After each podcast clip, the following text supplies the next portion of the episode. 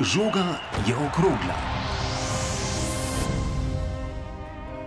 Lepo pozdravljeni. Slovenska reprezentanca je kvalifikacije za svetovno prvenstvo končala zmago. Cipr je premagala z 2 proti 1, prvič je dosegla več kot en gol na domači tekmi v tem ciklu. Strelca Zajc in Gnezda Čerin za Slovenijo, končni zid pa je postavil Kakuli z Eurogolom v končnici tekme. Slišali bomo, kaj po tekmi pravi Matjaš Kek. Selektor je bil predvsem zadovoljen z odzivom slovenskih reprezentantov po bolečem porazu na polju do septembra. Pogovarjali pa se bomo o tem, kaj je Slovenija pokazala v tem ciklu predvsem v zadnjih tekmah, in kakšni so izgledi za naslednje kvalifikacije, kako optimistični smo pred kvalifikacijami za Nemčijo 2024, ko se na Evropsko prvenstvo vrsti več in sicer 24 reprezentanc. Skupaj smo Boštjan Janežič, Jože Pepevnik, Zdravo. Marko Cirman, Zdravo. Moje ime je pa Luka Petrič. Prvi polčas. Kakšen vtis je Slovenija pustila proti Cipru, veliko časa, kakšno uro je nadzorovala dvoboj, potem na koncu malce pobude prepustila gostom, pa je bilo dovolj za zmago z dve proti ena, Boštjan. Slovenija je postila na tej tekmi dober vtis za konec kvalifikacij, glede na vse težave, ki so jih imeli v slovenski reprezentanci. Dobro je igrala proti Cipru, kombinirala, težko je igrati proti zaprti reprezentanci, potem pa, kot je že po tekmi omenil tudi Jaka Biol, pa na koncu kar malce lahko miselno po doseženem golu, da so se malce uh, sprostili, uh, sicer dosegli še drugi gol, ampak uh, tudi Ciper je pokazal, uh, zakaj je zmagal za naše bolečine uh, marca na Cipru. Ja, Slovenija je bila v igri za tretje mesto v skupini, uh, morala bi zmagati z golom več kot Slovaška, ki pa je na Malti uh, bila boljša šest proti nič. Četrto mesto, realno, Jože. Ja, uh, tudi ko te reprezentance ali pa te nogometne države razporedimo po morda klubski moči ali pa po moči uh, finančnega vlaganja v nogomet je četrto mesto realno v tej skupini. Uh, na koncu koncev slovenski nogometaši odhajajo na Hrvaško, Rusijo in Slovaško igrati, nogo, igrati nogomet in uh, predvsej bolj pogosto, kot se to zgodi v, v obratni smeri. Sicer pa danes je uh, vtis vsaj tako dober ali pa približno tako dober, kot je bil tudi v Trnavi, zauzeto, angažirano. Tisto, kar je Matjaš Kek napovedoval, je njegova ekipa na igrišču tudi uresničila, tako kot v Trnavi, tega seveda ni zmogla, tam tudi iz drugih razlogov, vseh 90 minut, ampak na koncu je zmaga bila zaslužena. Škoda edino, da so v zadnjih minutah ne ravno trepetali, ampak da so jo postavili pod vprašanje, sicer pa kar, kar realen točkovni izplen na koncu, glede na pokazano. Ja, slovenska reprezentanca je imela nekaj uh, črnih minut tako na Slovaškem kot uh, proti uh, Cipru. Sicer, uh, ja, kot sta uh, Jože in um, Boštjan že omenila, Marko, uh, suma sumarum, uh, solidna uh, predstava, vendarle pa na Slovaškem smo videli nekaj. Uh, teh spodrsljajev, predvsem tisti Balkovca je bil kar boleč. Morda je tudi zaradi tega selektor Kek razmišljal, da danes ga ne bi postavil v ekipo. Žan Karničnik bi moral tekmo začeti na levem boku, pa potem zaradi poškodb in rošad je Jure Balkovec prišel v igro. Ja, marsikje bo selektor Kek še moral poiskati kakšno zamenjavo oziroma kaj še zarotirati. Najbolj um, pereč je v tem trenutku levi bočni položaj, prek katerega ne samo, da smo nenevarni, ampak enostavno prihaja do prevelikih napak. Zelo, zelo um, taka nenevarna igra, um, takšna um, pasivna igra po levem bočnem položaju, pravzaprav ga sploh ne koristimo leve strani. Uh, proti Cipru se je to odlično videlo. Um, na koncu vse radi povdarjamo, da lestvica najlaže, vse to je tako, kvalifikacije so pravzaprav neko mini prvenstvo in na koncu se je pač zložilo tako, kot se je moralo. Mi smo uh, želeli biti tako dobri kot Hrvaška in Rusija, na koncu pa uh, smo tu nekje s Ciprom, če pogledamo čisto matematično poravnani, oni so nas premagali za en gol, pa mi njih za enega na koncu si niti ta reprezentanca ni zaslužila kaj več v teh kvalifikacijah, uh, niti enkrat v enem. Uh, oknu reprezentance, v reprezentančnem oknu nismo recimo zmagali dvakrat zapored, dosegli prvič zdaj šele dva zadetka na svoji zelenici in potem enostavno sej kaj več kot tega ne moreš pričakovati. Ja, omenil si uh, minus na levi strani, plus pa vsekakor na desni, tudi tokrat je slovenska reprezentanca bila najbolj prodorna in nevarna po desni strani, uh, kjer sta Josip Iličič in tudi uh, desni bočni, morda tokrat igralec tekme v slovenski reprezentanci Petr Stojanovič in tudi o tem je po tekmi govoril selektor Matjaš Kek. Dobro večer, gospod selektor, zmaga za konec kvalifikacij. Prvič v tem ciklu je doma Slovenija zabila več kot en zadetek, nekaj spodbud eh, tudi za prihodnost. Eh, kako ste vi videli eh, ta obračun s Ciprom? Ja, po neverjetnem tednu, z neverjetnimi težavami, kar se tiče kadra, ko so odpadali igravci, kar za povrstjo je bilo najpomembnejše in edino važno, da, da smo zmagali. Mi smo to naredili. Zopet z nekimi dobrimi manjimi, predvsem v prvem polčasu smo izigrali priložnosti, kot ne vem, če smo jih kdaj v teh kvalifikacijah na koncu zakuhali uh, sami sebi, kot je to že običajno, ampak mislim, da je zmaga več kot zaslužena čestitam fantom, kako so odreagirali na vse težave. Če greva malce v drobove igre, se vam zdi tako kot se je zdelo morda tudi nam, da je Slovenija danes igrala malce preveč po desni, pa premalo po levi strani, malce preveč predvidljivo na trenutke. Ja, ma, vam se v zgoraj marsikaj včasih zdi, ne. kar je bil zdaj dogovor, je pa nekaj drugega. Ne. In uh, mi smo morali menjati tik pred začetkom tekme z dvema igralcema, tako že od začetka, potem so nekateri dogovori padli, potem še z Verbičem izgubili neko tisto osnovo in morali poskušati z zvezdnim igralcem, ki je seveda drugačen kot pa Verbič.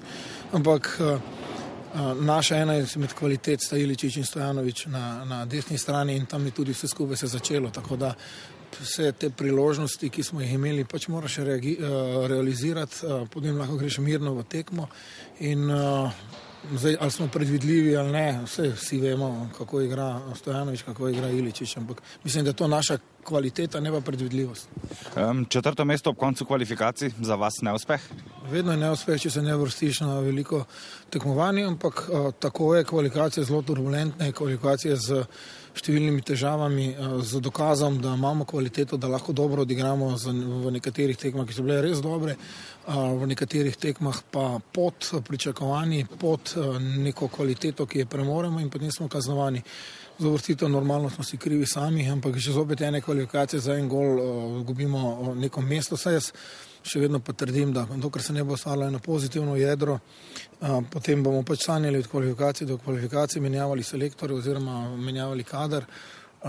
Kar se pa tiče celega ciklusa, težek, zelo težek ciklus, zelo, ampak mislim, da smo po Hrvaški, po tistem upravičeni uh, kritiki in pa nezadovoljstvu, da smo dobro odreagirali, predvsem so igravci dobro odreagirali in že dvakrat, trikrat mislim, da sem omenil, imamo tisto atmosfero, ki je optimistična, ki je pozitivna med igravci in jaz mislim, da je to dobro. Um, drugi zaporedni cikl za Evropsko prvenstvo je Slovenija končala na četrtem mestu, ali to pomeni, da ta generacija ni naredila v tem času um, dovolj velikega napredka? Ne, jaz mislim, da uh, zdaj, če samo po mestih gledaš, potem je to ne, absolutno. Če pričakuješ nekaj, moraš biti tudi dovolj objektiven in samo kritičen. To je naš cilj uh, in cilj Slovenije, mora biti vedno vrstitev na veliko tekovanje. Ali je zdaj to objektivno, ali je v danih momentih to dovolj, dovolj kvalitetno in vse to skupaj, to je zdaj drugi par. Uh, ampak uh, ne moramo se seveda zadovoljiti s tem in moramo stremeti naprej. Jaz mislim, da so kvalifikacije vrle kar nekaj zanimivih mladih igralcev, ki bodo sigurno nosili Slovenijo v naslednjem času. Važno je, saj pravim, da ustvariš neko pozitivno jedro, da ustvariš nek, nek odnos med njimi, ker mislim, da Slovenija ob tej kvaliteti, ki pač imamo, ki smo jo vedno imeli, tudi ko smo šli na velike tekmovanja, mora predvsem ustvariti neko atmosfero, neko, neko mm, enotnost, neko željo, nek motiv. Vse pravim, po Hrvaški sem zelo zadovoljen, kako so odreagirali tisto prej na Cipru in pa nekatere tekme, tisto pa ni bilo dobro. Še tole za na konec, elektor, um, vas skrbi selekcija slovenskih nogometašev kot um, glavnega trenerja oziroma selektorja slovenske A reprezentance, um, kam gre uh, razvoj slovenskega nogometa? Vas to skrbi? Mislim, to je uh, zdaj vprašanje za eno dobro okroglo mizo. Bi, mogoče se vam splača to narediti, povabiti res tiste, ki smo odgovorni, tudi nekatere strani, ki premorejo dovolj kritike. Ker enostavno je moment, ko bomo morali pokazati pot, kam naprej. Kakšna je naša kvaliteta, vse tega se vsi skupaj zavedamo, ampak jaz sem pripričan, da, nam, da smo sposobni sigurno 4-5 točk več imeti v takih, v takih kvalifikacijah, ne? kar na koncu koncev mi smo igrali proti Hrvatom, ki so danes šli zasluženo na svetovno prvenstvo, pa smo res dobro igrali. Ampak samo ena lasovka je premalo. Ne? Mi bomo morali uh, na nek način uh, priti do neke konstante. S, mogoče je ta pozitiva edino kar nekaj novih imen. Uh, naredili smo res široko selekcijo, pokazali teh fantov nekaj. Škoda, da na koncu nismo več bili, bili kompletni, ampak se prihaja dve prijateljske tekme, prihaja Liga narodov, ki bo za nas Evropsko prvenstvo v skupini B, nas čakajo sigurno nasprotniki, ki bodo top in v to smer je treba gledati. Treba je pomagati seveda en drugemu biti, jaz še enkrat pravim, objektivno, dovolj samo kritično vedeti, kdaj je treba iti. Ne? kdaj je treba za, za nove moči, in uh, potem uh, jaz upam, da bo vse skupaj uh, boljše. Hvala lepa, gospod selektor. Hvala za namik in vabljeni uh, našo okroglo mizo. Vedno, ko bom povabljen, vedno z veseljem. Ja, selektorje bomo držali za besedo in se ob pravi priložnosti z njim pogovorili uh, tudi o uh, teh tekmah uh, oziroma teh temah na naši spletni strani, pa je na voljo tudi pogovor z Jasminom Kurtičem, torej na val202.si. Le najslovencev je doslej večkrat igrala za reprezentanco kot Kurtič Belokranjec, je govoril o svojih nogometnih začetkih, ko je v domači kanižarici že našel delo v bližnji tovarni, ker ni vedel, ali bo uspel v nogometu. Celoten pogovor torej na valu 202, Kurtič je govoril, tudi o tem, da se je težko navadil na življenje v Solunu po desetih letih v seriji A, je letos prestopil k Pavku. Moram reči, da ko sem pregledoval njegovo statistiko, sem bil kar malce presenečen, kako konstantno je Kurtič igral doslej za, svoj, za svoje klube v italijanski ligi in sicer v desetih letih skoraj 300 tekem, povprečje torej 30 tekem na leto, to je več kot tri četrtine sezone in tudi minut ima veliko v povprečju na tekmo 75 minut v vseh klubih, v katerih je bil, je pustil kar precejšen pečat. Pogovor z njim torej na naši spletni strani.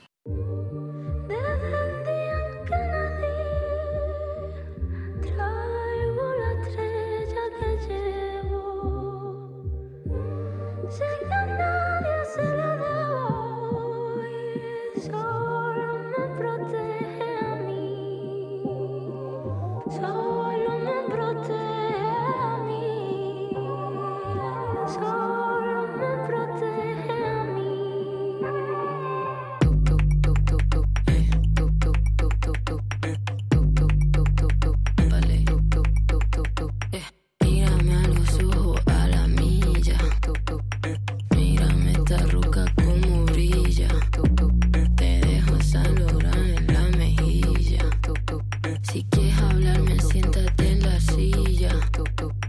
Tagueado tu nombre en la pared, eh. Al querer entonces queer, ok. Revenir Pirmi, DGT, eh. Te mando ahora sin carne, ok. Bájalo, suévalo, eh. que tu cat, eh. Mordeciste que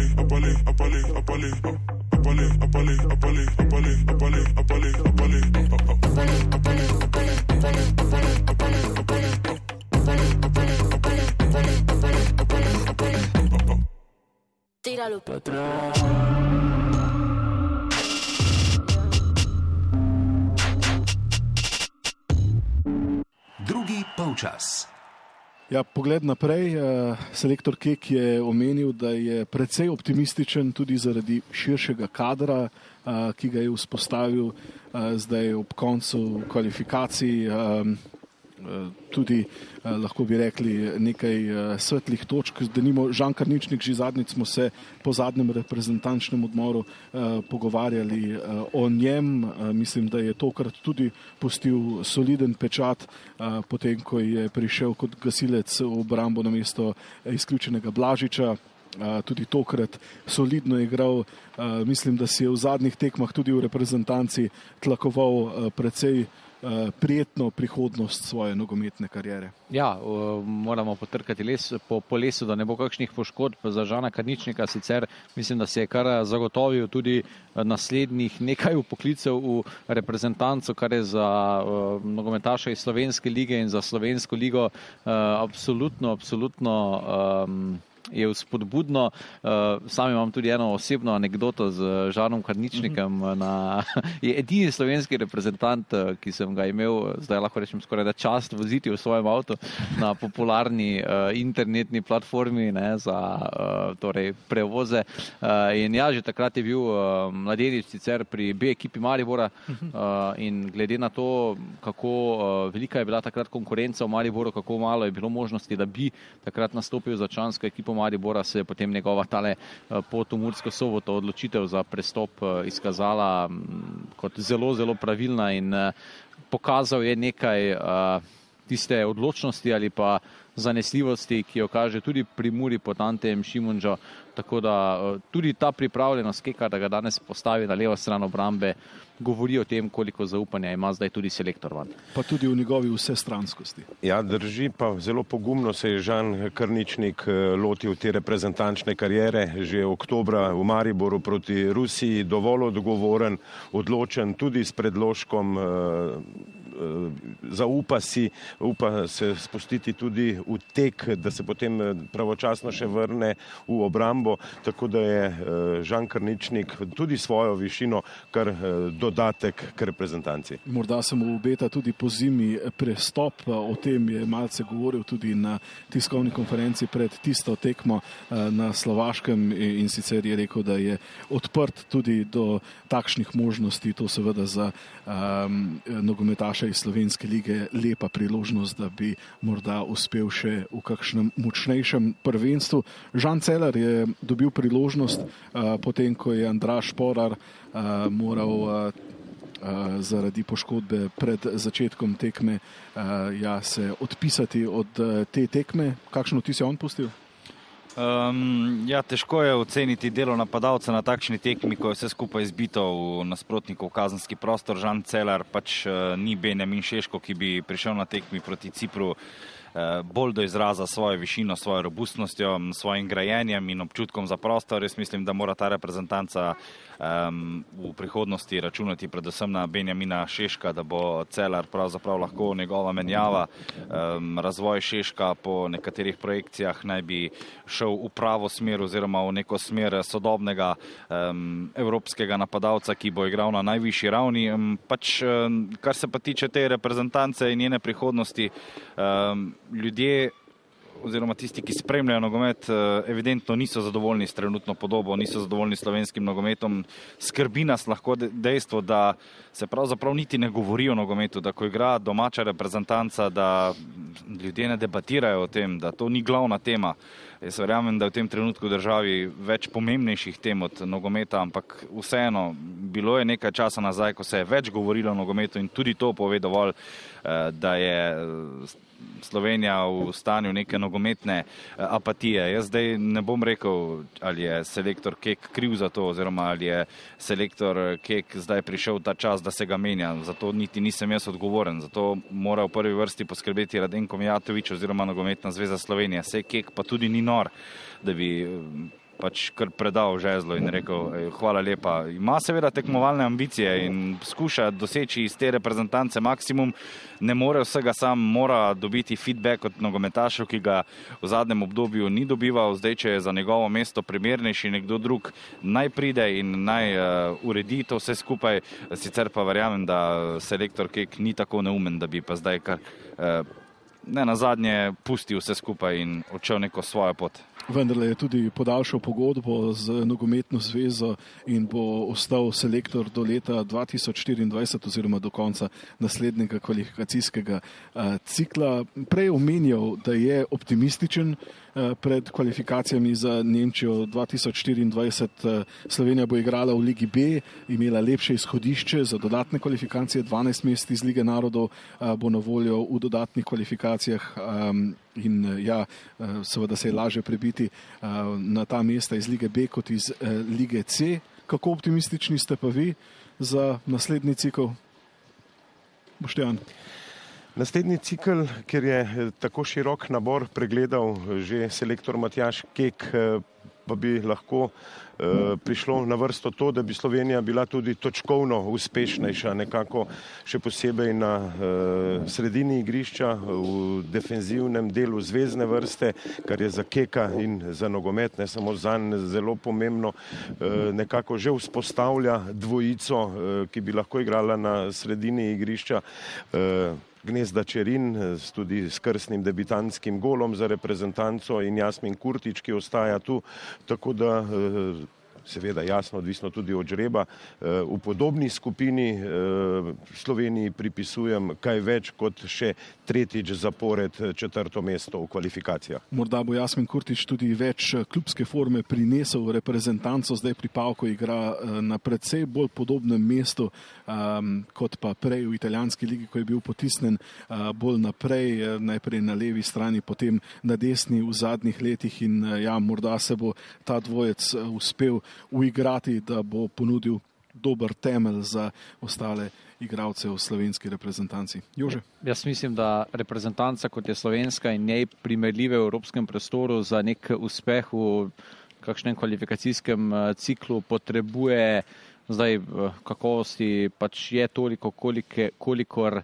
Eh, je, je, ampak eh, potrebuje predvsem nekaj tiste fanatične borbenosti, da, da ekipa res, kot rečejo, uh, dihajo, da dihajo posamezniki eden za drugega, da se tudi stepejo drug za drugega na igrišču, če je treba. Morda je malo preveč, oziroma malo premalo bilo v zadnjih letih ali pa v zadnjih ciklusih videti tega.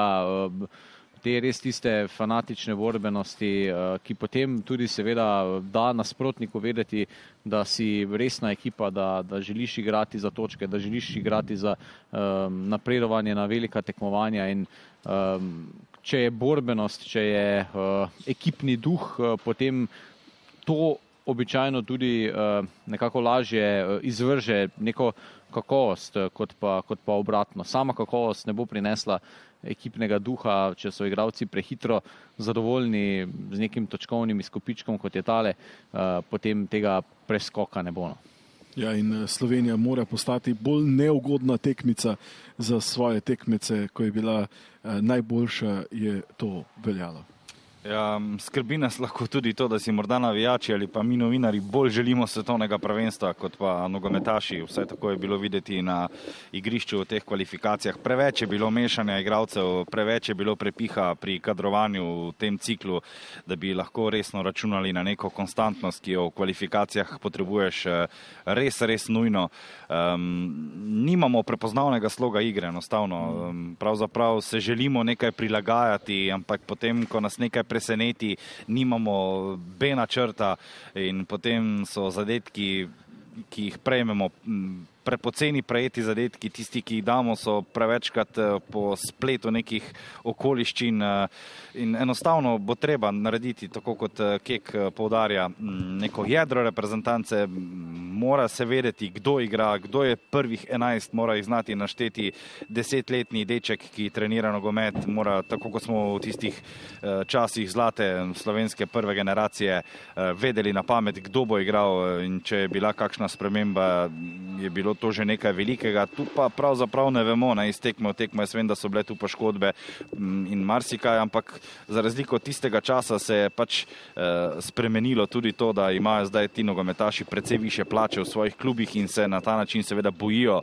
za poškodbe v reprezentančnem taboru. Eh, drugače je bilo takrat, ne, ko je bila pravzaprav reprezentanca vse, pa po klubih eh, nogometaši sploh niso igrali. Ne. Hkrati pa se zdi tudi, da je veliko več kakovosti videti v tem eh, srednjem razredu evropskih reprezentanc. Veliko več reprezentanc od recimo 15. do 35. mesta ima uveljavljene igralce v velikih evropskih ligah. To pa pomeni, da, smo, eh, da so ostale reprezentance začele napredovati, Slovenija pa je kar v tem tako imenovanem leru na mestu, v blatu krožimo in ne izidemo iz tega blata, iz tega blatnega povprečja, bi lahko rekli. Tu pa je seveda problem globi, ne? tu pa je prvi naslovnik, jasno, nogometna zveza Slovenije in uh, sam sistem treniranja in sistem uh, iskanja nogometnih talentov že od uh, malih nog, pa potem gradnja igrišč in vse to prinese potem sabone.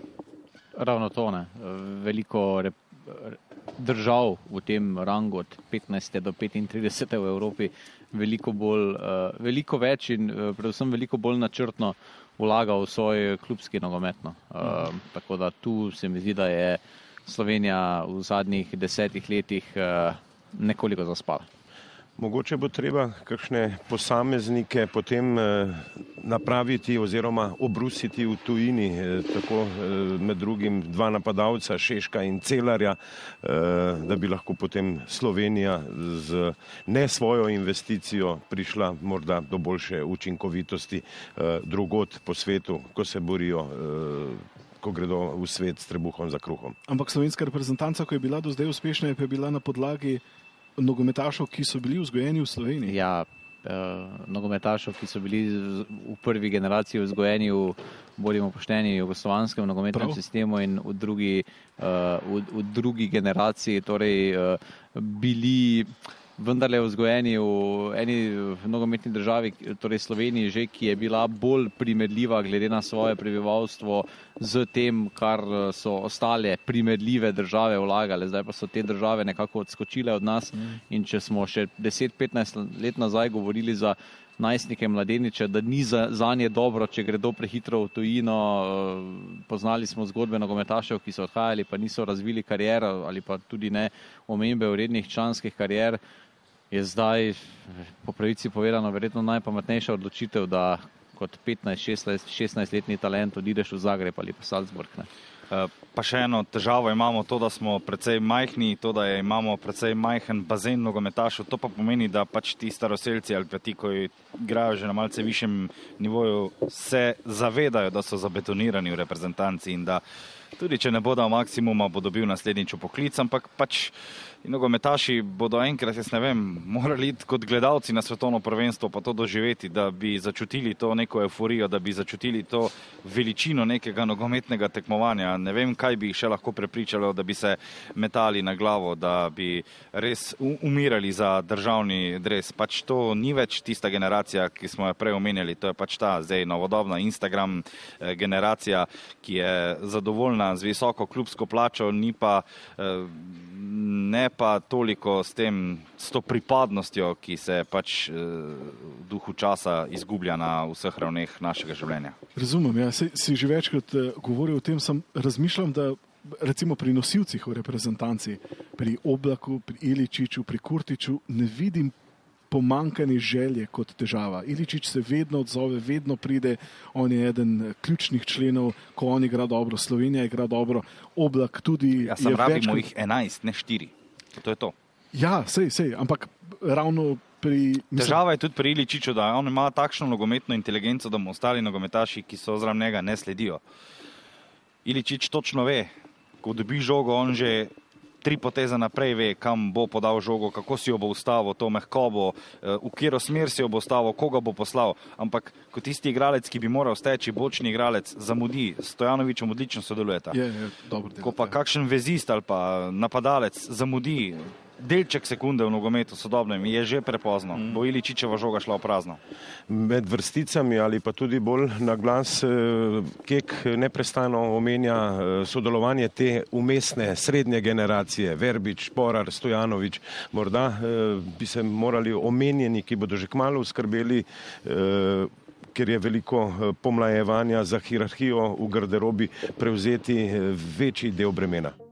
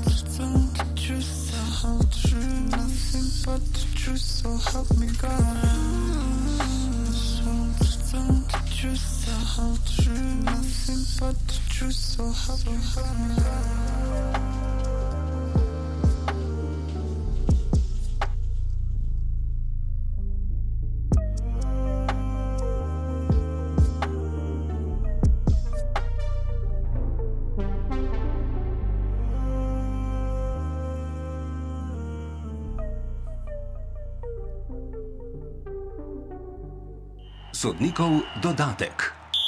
Malce drugače se zdaj slišimo, v vodni del oddaje smo namreč snimali v nedeljo po tekmi proti Cipru, zdaj pa se bova z Markom pogovarjala še o zaključku skupinskega dela evropskih kvalifikacij. Portugalska in Italija sta pristali v dodatnih kvalifikacijah, obi presenetljivo. Portugalska je vendarle ena najboljših reprezentanc na svetu, z odlično generacijo, z izjemnimi igralci na vseh igralnih položajih.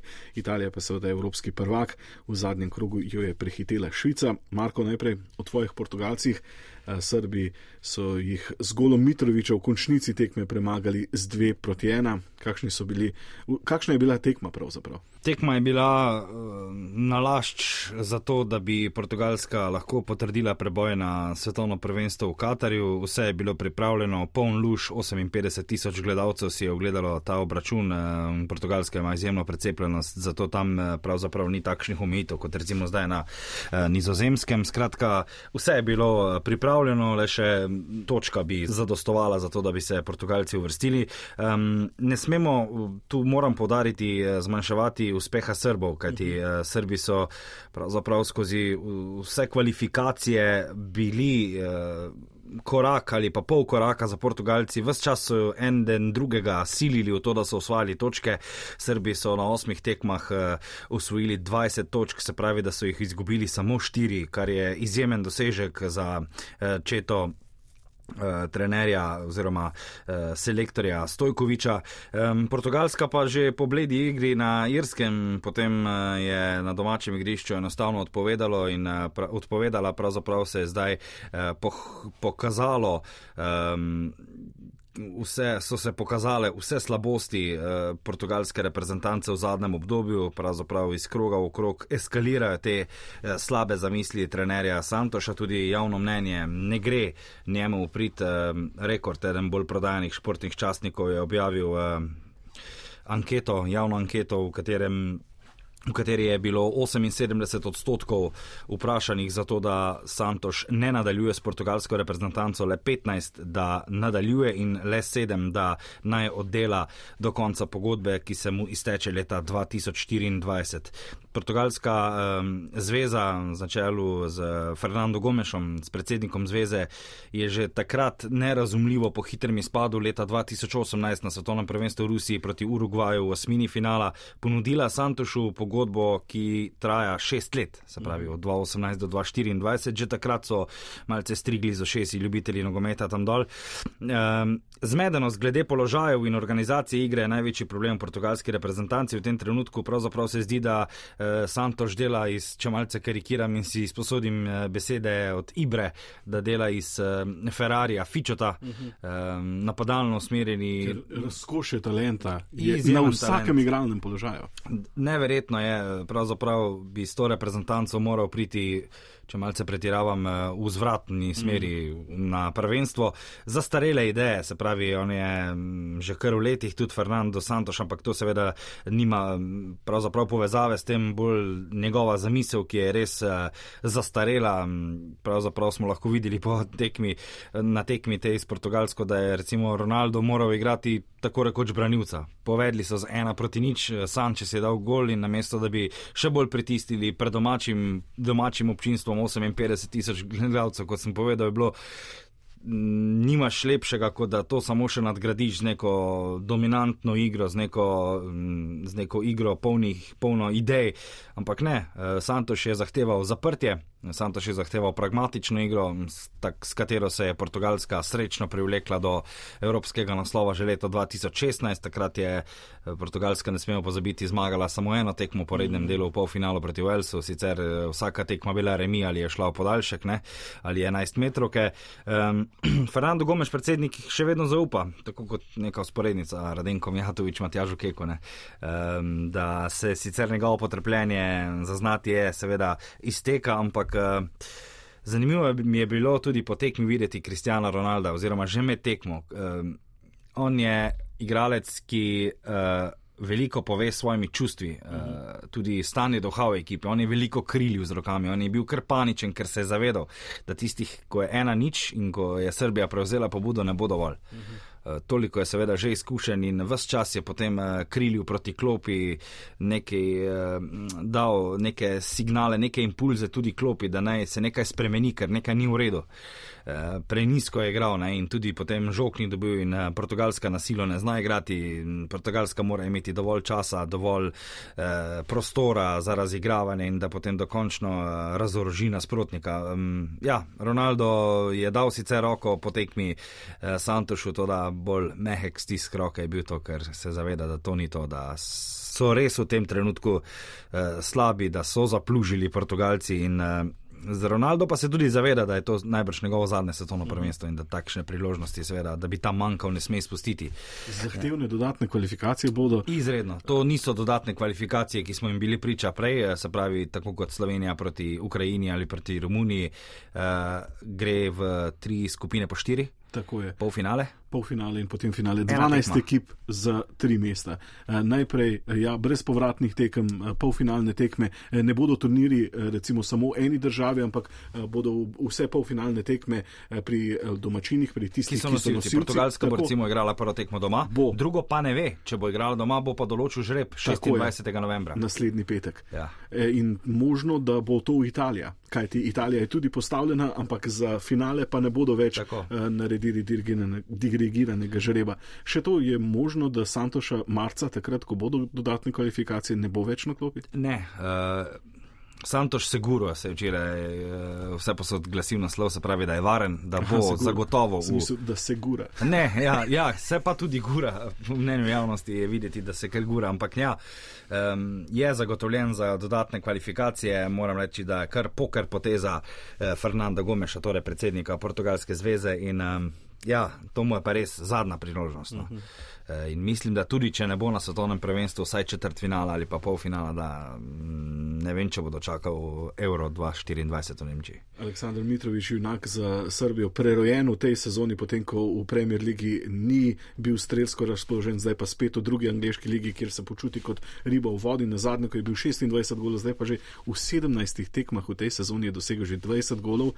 Uh, in največ ljudi, ki se uh, gibljejo okoli, okoli, okrog Fulama, uh, pripisuje ta preporod njegov trenerju Fulama, ki pa je seveda Portugalec Marko Silva. Ja. Tako da Uh, ja, zanimiva kombinacija, uh, kako je Portugalec Mitroviču pomagal, da je Mitrovič pomagal. Še nekaj o Fulamu. Uh, pogovarjal sem se z um, reporterjem BBC 5, BBC 6, ne vem, kako je to. Ja. Ja, ja. Bil je z mano, sedel je z mano na tekmi Totne Mura uh mhm. -huh. in je rekel, da, pač, uh, da je bil tisti teden oziroma tisti dan, prejšnji dan na tekmi Fulam v Championshipu uh mhm. -huh. in rekel, da ima Fulan uh, v prvi vrsti dobrega lasnika uh mhm. -huh. in da imajo kar resne načrte, da se bi uveljavili v Premier League, da ne bojo tako več klasičen jojo klub, no, uh. -huh. da ne bojo gor pa dol skakali. Tako da mislim, da je pravo okolje um, tale stadion konjušnica za ja. Mitroviča res se je uveljavil. Sedemo, robustne še, sedemo ta. Sto druga um, angliška liga, kjer je bolj.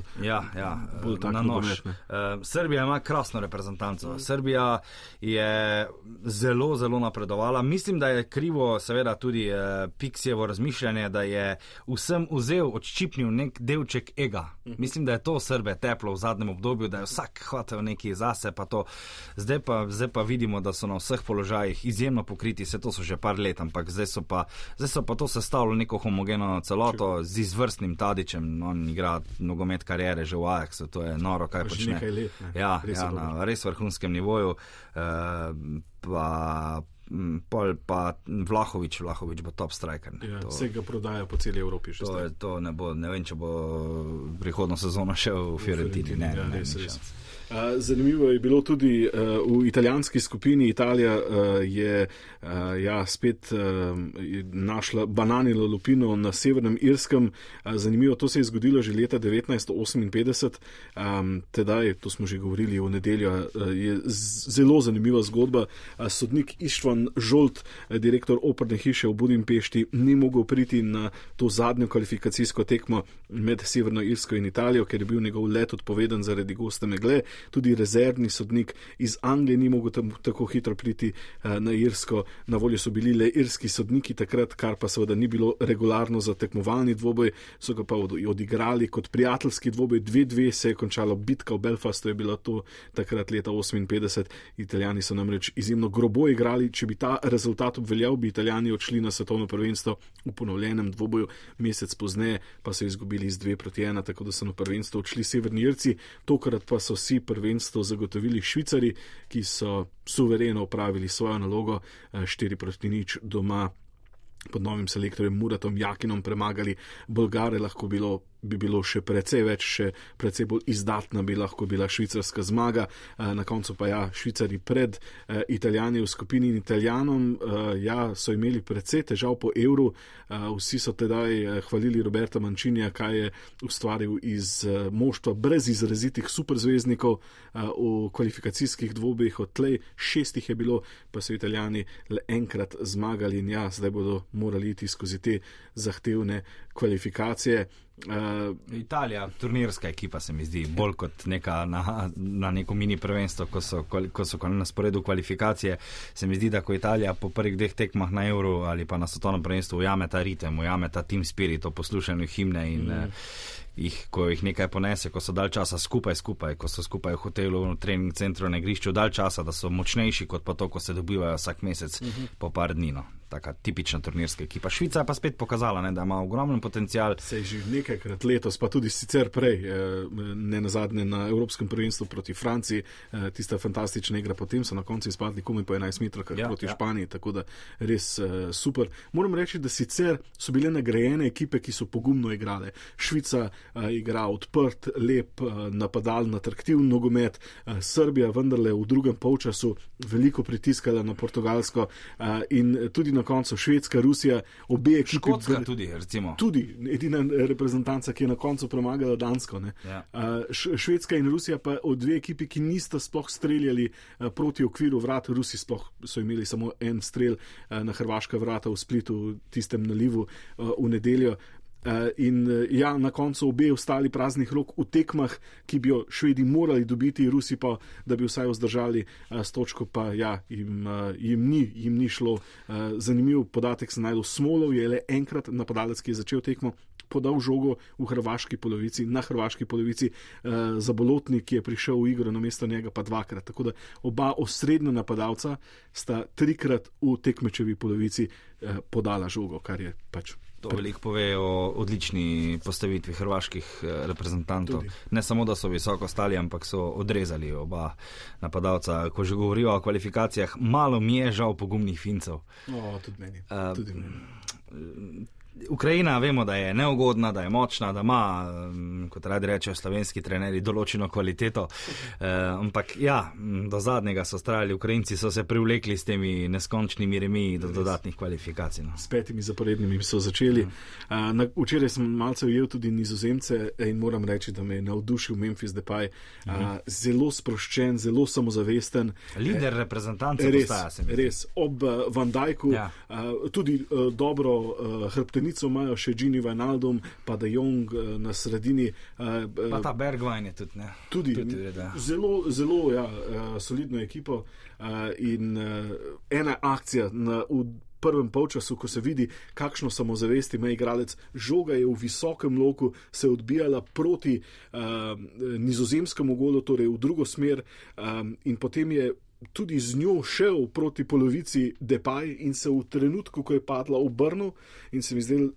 V prvem trenutku, kaj razmišljaš, zakaj ne podaš na stran, pa bo predložek prišel, ampak odlično streljal, sedla mu je na nogo, hiter, um, hiter močen strelj je bil, ja, ja. ampak na koncu uh, še preveč po sredini gola, še predobro je zadev, da je uh, neposredno šla uh, proti vratarju.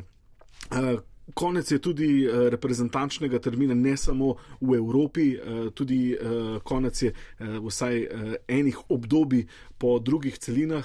Kaj si kaj opazil, v, kaj ti je padlo v oči v Afriki, Južni Ameriki, Aziji, Kongo Kafu? Ja, v Južni Ameriki mi je padlo v oči kar konstantno z Brazilije. Uh -huh. um, brez nemarja so zdaj remizirali proti Argentincem, ki se bodo tudi vse gladko uvrstili na svetovno prvenstvo. Um, malo me je razočaral v teh kvalifikacijah Urugvaj. Četrti zapored je izgubil. Neverjetno, četrti zapored. Luknjo so padli. Um, Ekvador je tam na tretjem mestu, kar suveren potem. Ekvador je pa... vedno blizu ali pa zraven ne, v vsakih kvalifikacijah. Kolumbija tudi, kar eh, na račun slabih iger Urugvaja, potem visoko, eh, Peru visoko, pa Paragvaj predvsem. To so še vsi v igri razen Venezuele. Ja, ja neverjetno. Spet, mislim, to so tak in tak najtežje kvalifikacije, so, se mi zdi.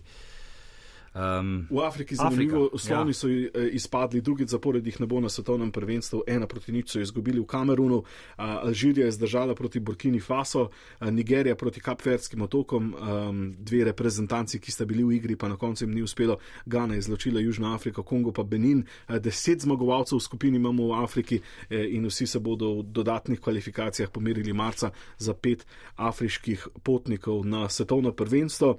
Eh, v Aziji eh, sta Južna Koreja in Iran že skoraj v Katarju, Saudska Arabija je tudi eh, blizu, vendarle izjemno pomembno prvenstvo za Saudsko Arabijo, glede na to, da se dogaja v bližnjem Katarju. Drugo mesto pa v tej skupini Japonska in Avstralija, le točka razlike. Avstralci zdaj tri kroge zapored niso zmagali in se bodo želeli izogniti tretjemu mestu v skupini v Aziji, Države ki je. imajo z um, efikasnostjo, očekovitostjo. Ja, ja, ja. Devet golov na šestih tekmah. Na drugi strani pa uh, sem gledal uh, veliko v japonski igri, pove statistika: šest tekem, štiri zmage, dva poraza, golo razlika 5-3. E, eh, torej, v vseh zmagah so dosegli uh, pet golov skupaj. Uh, ja, uh, želeli se bodo Avstralci izogniti temu tretjemu mestu, vsi se bodo želeli, kajti tam čaka potem tistega, ki je tretji v skupini, dvojne dodatne kvalifikacije. Najprej s tretjim iz druge skupine, potem pa še tiste medcelinske, ki bodo mimo grede zadnjič za 2022-2026 ne bo več medcelinske slovenskih, bo nek ja, uh, separat turnir. Tam bo pa že zmanjkalo držav na zemljevidu, tako ja. um, obširno bo to svetovno prvenstvo. 48, res. To res. No, in to in potem bomo bo... morali gledati eh, ob treh popovdne tekmo Združeni Arabski Emirati proti Kongo. Kongo ja. to, bo, to bo album debelejši kot svetopismo. uh, to prvenstvo bo v Kanadi, Mehiki in najbolj v Združenih državah Amerike. Mislim, da deset tekem v Kanadi, deset v Mehiki in deset v, 60 v Združenih državah. Uh, zanimivo pa je uh, za konec še skupina v Severni Ameriki in sicer Kanada je v najboljšem položaju. Edinkrat doslej je igrala leta 86, zanimivo v Mehiki, na svetovnem prvenstvu. Alfonso Davis eh, je uh, ja, uh, vroč. vroč, dober. Tudi Jonathan David, igralec, napadalec Lila, prvi strelec francoske lige. Zemlja. Ja. Z dve proti ena so sinoči Davi premagali Mehiko in izkoristili v Edmontonu prednost domačega igrišča pod 20 stopinj, minus 20 stopinj Celzija. Bilo. Mislim, da je bilo minus 23 stopinj Celzija. Snežili še pred tekmo, a so uspeli spraviti v sneg stran, mraz pa m, seveda je še vedno ostal in uh, ja, v teh razmerah so kanačani. Um, mislim, da je bila to uradno najhladnejša tekma, na kateri je kadarkoli do zdaj, doslej igrala mehiška reprezentanca. Drugi zaporedni poraz proti Mehiki, prej so uh, ZDA. Uh, spet izgubili z dve proti nič, toliko teh zmag američanov proti mehičanom je bilo, eh, da pravijo že zdaj dos a zero, vedno ko jih premagajo. Eh, super reprezentančen teden je bil, eh, veliko zanimivega, veliko dramatičnega, dolgo pa bomo čakali na naslednjega. Štiri mesece, ne? konec marca. Ja. Takrat dodatne kvalifikacije v Evropi, eh, dodatne kvalifikacije v Afriki in še razplet na vseh ostalih celinah, da bomo prišli potem do novembrskega, decembrskega svetovnega prvenstva. Veliko manj pa bo treba čakati do nove žoge, čez dober teden ali pa čez slaba dva. Se slišimo takrat. Uživajte. Se slišimo.